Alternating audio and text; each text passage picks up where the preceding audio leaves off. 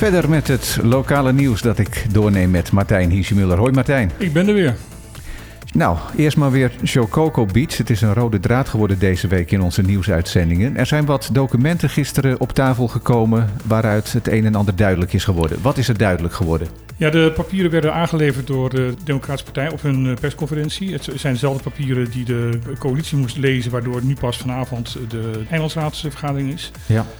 Er blijkt uit dat in februari dit jaar Chocogo al op de hoogte was dat ze een natuurvergunning moesten aan gaan vragen. Ja, en dat ging dan vooral voor het aanleggen van een strand. Vooral voor het aanleggen van het strand. En dat hebben ze pas op 12 augustus ingediend. Die vergunningsaanvraag, Ja. waarvan ze in februari al wisten dat die ingediend Dat zou die- moeten worden. Ja. En ze zijn het zand gaan uitrijden op 18 oktober, terwijl ze nog geen vergunning hadden. En daar is het eigenlijk misgegaan. En daar is misgegaan en daar is Tinapa en de dienst handhaving op aangeslagen en heeft daar dus die dwangsom opgezet. Maar uiteindelijk lijkt de situatie veranderd te zijn. Ja, want het bestuurscollege heeft HBN eh, Law erbij gehaald. Dat is een groep juristen.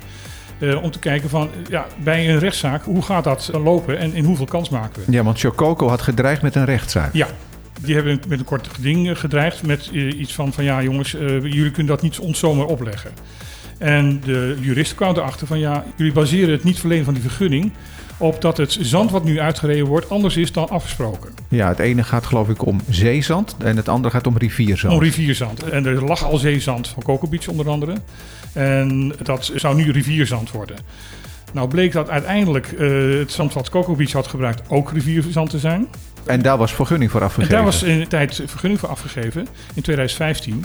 Ja, dan is het heel moeilijk om dan voor de rechter te zeggen... ja, maar dat mag nu opeens niet. Ja, dat vind ik logisch klinken. Dat klinkt vrij logisch. En toen is er opeens eh, een totaal ander advies eh, gekomen... van de juridische zaken en van, van de diensten die hiermee te maken hadden. Van, Mhm. eh, zorg er maar voor dat je op een akkoord komt... want we gaan dit niet redden.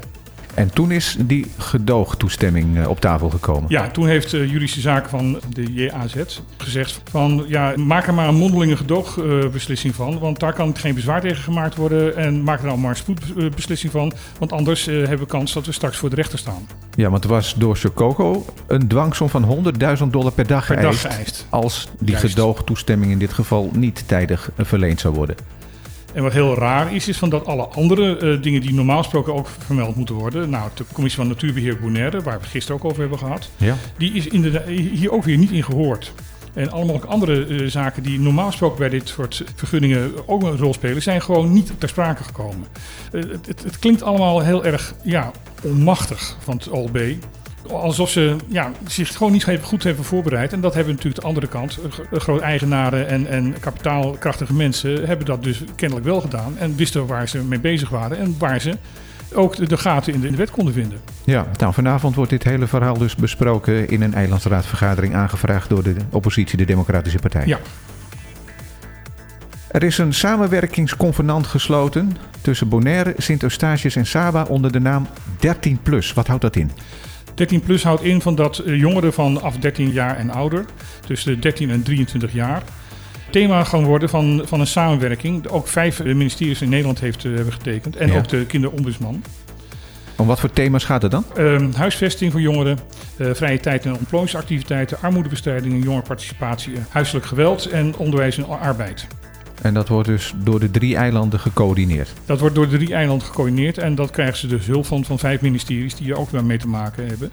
Omdat eh, de, de ombudsmannen, de, de nationale en de kinders, eh, hebben een onderzoek gedaan waar de titel van was: Het maakt uit waar je wieg heeft gestaan. Waarmee eh, duidelijk werd gemaakt van ja, als je op de Cariben bent geboren, dan heb je gewoon Minder kansen, minder, mogelijkheden. Ja, minder mogelijkheden als, als jongere. En dat moet gaan veranderen. En daar is dit, dit convenant voor, eh, voor bedoeld. Want die ondersteuning was er al wel voor jongeren in Europees Nederland. Ja, die, eh, dat soort samenwerkingsverbanden zijn in Nederland wel. Ja. Dan wat financiële kwesties. Eh, het CFT heeft gezegd dat voor Sint-Eustatius, nou volgens mij hebben we het daar ook al over gehad, eh, er wat minder stringente regels gaan gelden voor wat betreft het sluitend krijgen van de begroting. Ja, daar zijn ze nu eh, heel, heel eh, concreet in geworden. Ehm, er staat voor volgend jaar op de begroting van Sint-Eustatius een tekort van 7 ton. Eh, gezien de herstelfase waar eh, de openbaar lichaam Sint-Eustatius in verkeert, vinden ze dat uh, ja, toelaatbaar. Ik vind 7 ton nog niet zo heel veel, maar ja, Nee. het is een klein eiland, dat wel natuurlijk. Dat natuurlijk wel met weinig mensen. Ja. Voor 2023 staat er ook een tekort eh, begroot van eh, 8 ton. En daar zegt de CFT van ja, en tegen die tijd moeten jullie dat toch echt wel weer op orde hebben. Dus er wordt nu al begroot ook voor 2023. Ja, dat hoort, dat is normaal. Oh, Oké. Ja, het CFT heeft zich ook uitgesproken over Curaçao. Hoe ziet de situatie er daaruit? Nou, daar ziet het een stuk eh, gunstiger uit. Omdat eh, het tekort wat eh, verwacht werd eh, dat Curaçao dat zou oplopen door alle COVID-perikelen. honderden miljoenen guldens eh, lager is uitgevallen dan begroot. En hoe komt dat? Dat komt omdat toerisme, vooral in de laatste kwartalen, eh, zo heeft haar aangetrokken. Dat ze nu op 95% zitten van het toerisme van eh, voor COVID. En eh, daar dus heel veel inkomsten van komen. Eh, er was begroot 822 miljoen tekort. En dat wordt nu waarschijnlijk eh, 510 miljoen. Nou, dat scheelt een slok op een borrel. Ja, dat hoef je allemaal niet terug te gaan betalen. Ja, mooi nieuws voor Curaçao. Het perfecte plaatje. Ja, mensen die regelmatig naar RTL kijken kennen dat programma. Het gaat om een fotowedstrijd. Ik heb begrepen dat er heel in het geheim opnames zijn gemaakt van de finale van het zesde seizoen op Bonaire. Op Bonaire. Er zijn afgelopen weken zijn die eh, opnames hier gemaakt. Het gaat om twee afleveringen voor de, de, de finale. De eerste wordt op 15 december uitgezonden, de andere een week later. En het perfecte plaatje voor de finale moest hier op Bonaire ge- gemaakt worden. En ja, is dat nou heel erg belangrijk? Ja, dat is belangrijk, want er kijken 2 miljoen mensen naar per af- aflevering. Dus dat is een hele mooie promotie voor het eiland. Het is een hele mooie promotie voor het eiland. En er hebben ook een aantal eh, partijen aan meegewerkt. En ehm, ja, TCB zegt ook van ja, dit is echt gewoon zoals we het wilden hebben. En eh, dit is gewoon prachtige re- reclame voor het eiland. Want niet alleen dat ze door de beelden eh, zelf laten zien hoe mooi Bonaire is, maar het gaat om het perfecte plaatje. Dus ja, inderdaad. daarmee eh, promoot je het eiland natuurlijk ook erg. Ja, wat zei je? 15 december de eerste uitzending van de finale? Ja, 15 en 22 december zijn de, de uitzendingen. Op RTL 4 volgens RTL mij. 4, maar ook te kijken op eh, RTL XL eh, op, op, eh, op internet. Oké. Dan nog even het weer.